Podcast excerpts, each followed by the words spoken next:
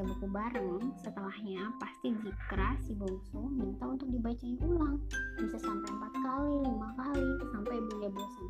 Akhirnya kemarin coba untuk ceritain lagi sama-sama apa yang udah dibaca.